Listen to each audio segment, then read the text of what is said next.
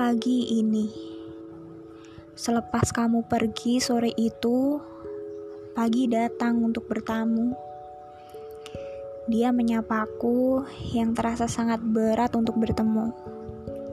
Tapi pagi seakan tidak mau tahu akan perasaanku yang baru saja ditinggal olehmu.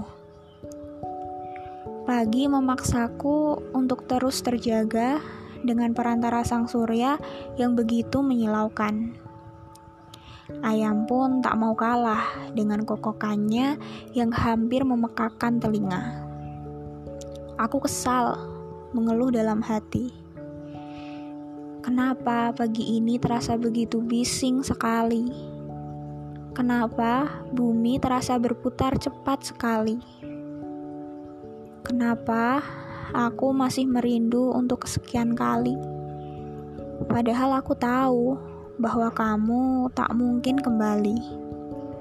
Dan kenapa, kenapa harapan itu muncul lagi meskipun telah kamu patahkan berulang kali. Surakarta, 29 Juni 2021